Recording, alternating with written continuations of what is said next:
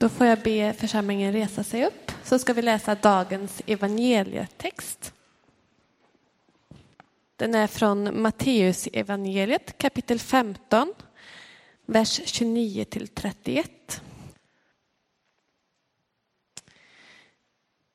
Jesus gick därifrån ut med Galileiska sjön och sedan upp på berget. Där satte han sig ner. Mycket folk kom till honom och de hade med sig lama, blinda, lytta, stumma och många andra och lade ner dem framför honom. Han botade dem och folket häpnade. Stumma talade, lytta blev friska, lama gick och blinda såg. Och de prisade Israels Gud. Så lyder det heliga evangeliet. Jag fick några päron i en påse av vår granne Bosse häromdagen. Jättegoda päron. Han sa att det inte har varit så mycket frukt på tio år. Jag vet inte om det stämmer, men det kanske är så. Och själva har vi två stycken fruktträd på våran tomt. Ja, träd kanske det inte riktigt kan kallas. Jag vet inte, för det ena håller på att självdö, en långsam död. Och det andra har grannen stympat i en obegriplig form. Tack för pärorna, Bosse. Men det är ju tråkigt att inte ha ett eget fruktträd i vår trädgård. Så kan jag ju äta Bosses päron samtidigt titta eller snegla på grannarnas fruktträd med avundsjuka. Vad smakar då mitt päron? Vad får mitt fokus? Är det att Bosses päron, är det att de är, är mycket godare? Eller är det att, jag, min egen, att det inte finns någon frukt i, vårt, e, i vår egen trädgård? Vad fäster jag mig vid? Är det glädjen att jag har fått någonting eller missnöjet av det jag inte har men kanske tycker att jag borde ha haft? Så det kan finnas en mild form av avundsjuka när vi jämför oss med det som andra har. Men den här känslan att man tycker sig vara förfördelad, den är, en förrädisk, är förrädisk för den får oss att, att eh, förlora vår tacksamhet. I texten idag så beskrivs det hur folk kommer till Jesus med stumma, lama och blinda och Jesus ser deras lidande och deras svåra livsomständigheter som de är i och han gör dem friska. Där och då. Han mötte de här människornas behov i det som var det som pockade allra mest, det som var det allra svåraste för dem. Och han gör det till synes omöjliga för deras skull. Och det är klart att detta var något fantastiskt som hände. Hela deras liv förändras ju på en sekund. Vilken grej!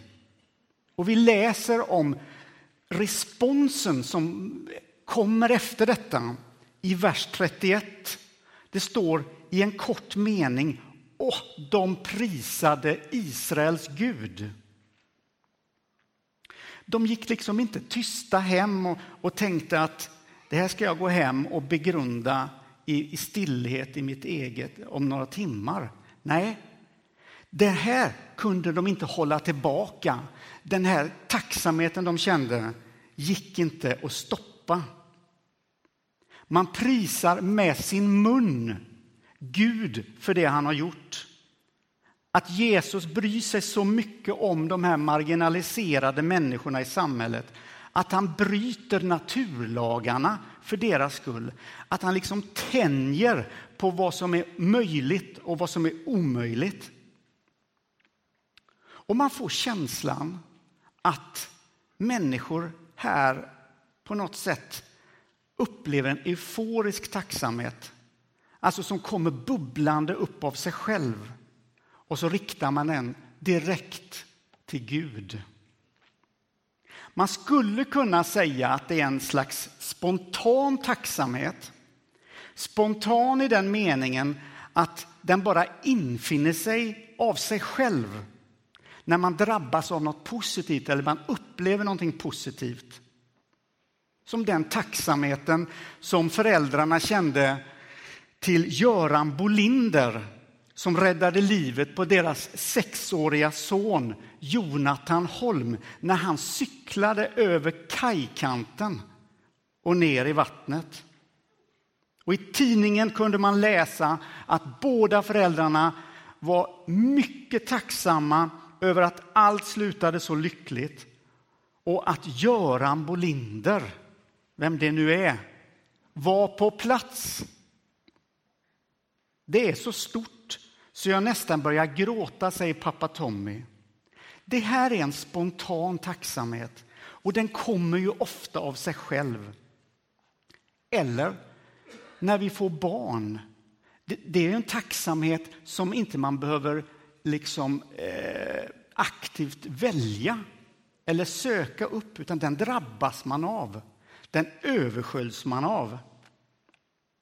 Så den här typen av tacksamhet som vår text beskriver idag är egentligen inte särskilt svår, svår att uppbåda, utan den är ganska självflödande, kan man säga.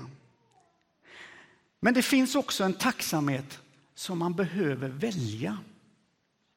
Och här är utmaningen att medvetet gå in på tacksamhetens väg och när man gör det samtidigt välja bort missnöjsamheten. För när missnöjsamheten får fäste i våra liv så vänder den bort oss ifrån det goda. Den får oss att jämföra oss och tänka att det här päronet smakar ju egentligen inte speciellt bra för jag har ju inte ett eget träd. Vi fokuserar på det vi inte har istället för det vi har. Vi ser inte Guds gåvor i våra liv. Så den här missnöjsamheten som kan ligga lite under ytan i våra liv. Den låser lovsången och hindrar oss att prisa Israels Gud som man gjorde i bibeltexten.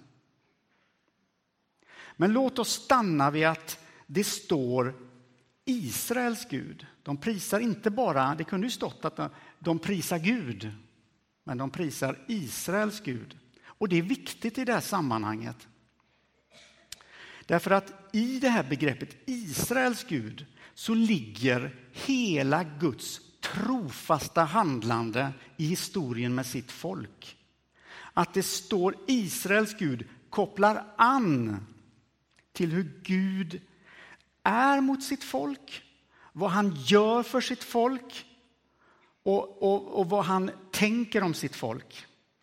Och fram kommer då en bild av en följsam Gud som gång på gång har visat Israels, eh, genom Israels historia visat att han bryr sig, att han är på plats, att han griper in, att han visar sig trofast och att han visar vägen. Det var den guden som de prisade, Israels Gud. Och I Jeremia 31 och 1-3 så får vi en liten vink om hur Gud tänker om sitt eget folk. Tänk nu också att vi här i vår församling har blivit inympade i detta folket. Så det är ingen text som du behöver läsa med någon distans här. Utan läs den, lyssna in på den här texten. Med evig kärlek älskar jag dig. Därför har jag så länge visat dig godhet. Än en gång ska jag låta dig blomstra. Ja, du ska blomstra igen, jungfru Israel. Än en gång ska du smyckad med bjällror träda ut i glädjedansen. Än en gång ska du plantera vingårdar på Samariens höjder och de som planterar ska själva skörda frukten. Ja, det kommer en dag då väktarna ska ropa på Efraims berg. Kom, låt oss vandra upp till Sion, till Herren, vår Gud. Detta är inte bilden av en frånvarande Gud eller en Gud som inte är speciellt intresserad av Israels folks framtid. Här framträder Gud som den som älskar sitt folk på ett praktiskt och närvarande vis. Och även vi i Saronkyrkan vill koppla an till Guds handlande med sitt folk i historien. I gudstjänsterna så berättar vi berättelserna. I sången och förkunnelsen så påminner vi varandra om vad Gud har gjort och vad han lovat. Vi gestaltar i nattvarden berättelsen. Och i nattvardsliturgin så uppmanar vi varandra att tacka Gud, han som ensam är värd vårt lov. Vi sjunger lovsång i församlingen här för att Gud är värd det.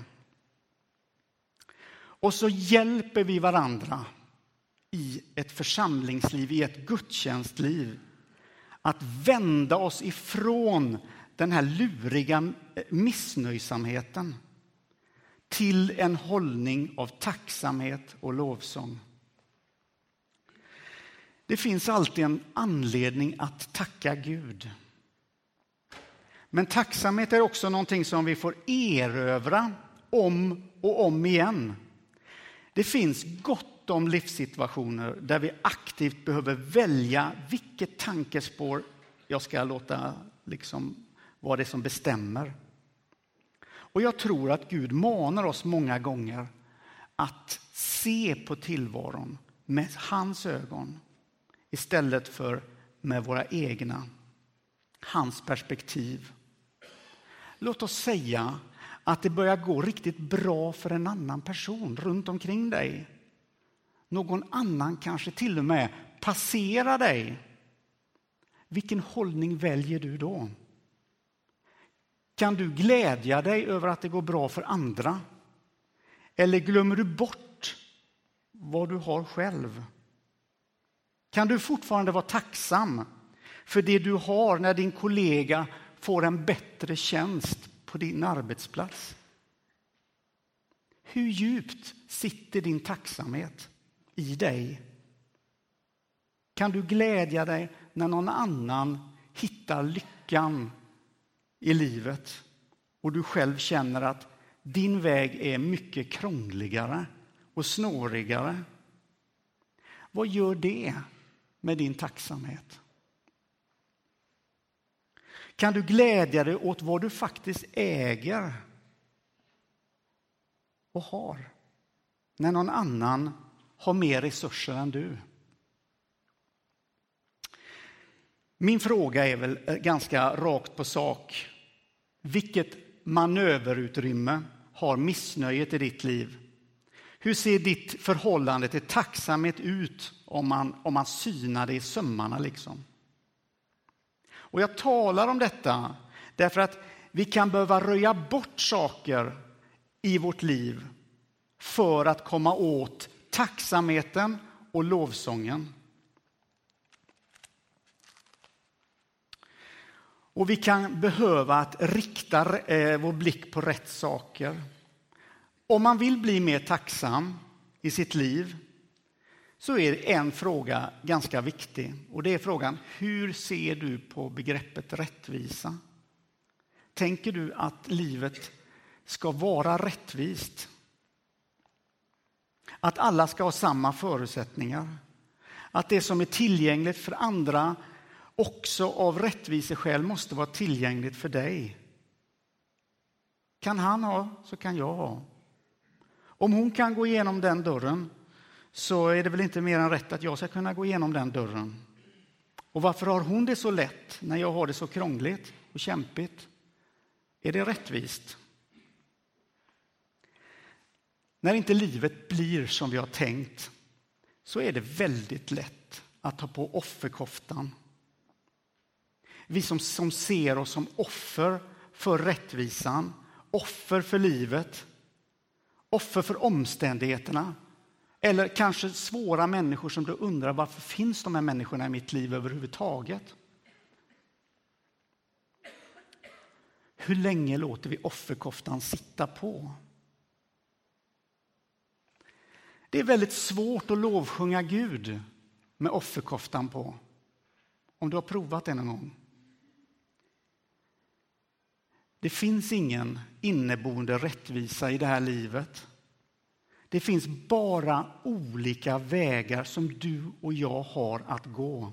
Och på de vägarna, vart de än bär och hur de än ser ut, så är Gud alltid tätt intill oss. Han går de vägarna tätt intill oss. Och där föds en tacksamhet för hans närvaro och kärlek. Jag talar om detta för att om du inte accepterar din egen livsresa, det som blev din väg, så kommer du aldrig kunna växa i tacksamhet. Det finns saker som vi måste acceptera för att växa som andliga människor. Och Jesus han mötte behoven hos de människor som han kom i kontakt med. Han gjorde sig tillgänglig. Han satte sig. Jag tycker det är fantastiskt att han sätter sig. Va? Det är väl en, en ganska härligt. Han sätter sig och han gör sig tillgänglig. De kommer till honom med de lama och de sjuka. Samma sätt gör Gud genom hela Israels historia. Han gör sig om och om och om igen tillgänglig. Han visar sig. Och Gud vill göra sig tillgänglig för dig i ditt liv. I det som blev ditt liv och det som kommer att fortsätta vara ditt liv. När du tror att Gud trots alla dina svårigheter är god mot dig så skapas ett utrymme för tacksamhet i ditt liv. För en del av oss kan utmaningen i en sån här predikan, det man tar med sig, vara att sätta ord på den här missnöjsamheten som rör sig i det fördolda av oss. Det, det går, missnöjsamheten går inte omkring med en skylt som det står här är jag. Den, den rör sig diffust i oss. Vi kanske bör, några kanske behöver sätta ord på det och lämna över det till Gud och säga Gode Gud, hjälp mig att komma tillbaka till tacksamheten i mitt liv. Hjälp mig att inte ta på mig offerkoftan Hjälp mig att se din godhet genom allt. Så låt oss den här veckan träna oss i att inför Gud sätta ord på det som vi är tacksamma över. Gör det med din mun. Det händer någonting när du säger ut det. Berätta för Gud vad du är tacksam för. Verbalt. Litet som smått. Nej, vad säger jag? Litet som stort, ska man väl säga. Så låt oss tacka och prisa kärlekens Gud. Och låt oss stämma in i det tacket till Israels Gud som de här lärjungarna med den här starka glädjen uttryckte den där dagen vid Genesarets sjö för länge sedan. Amen.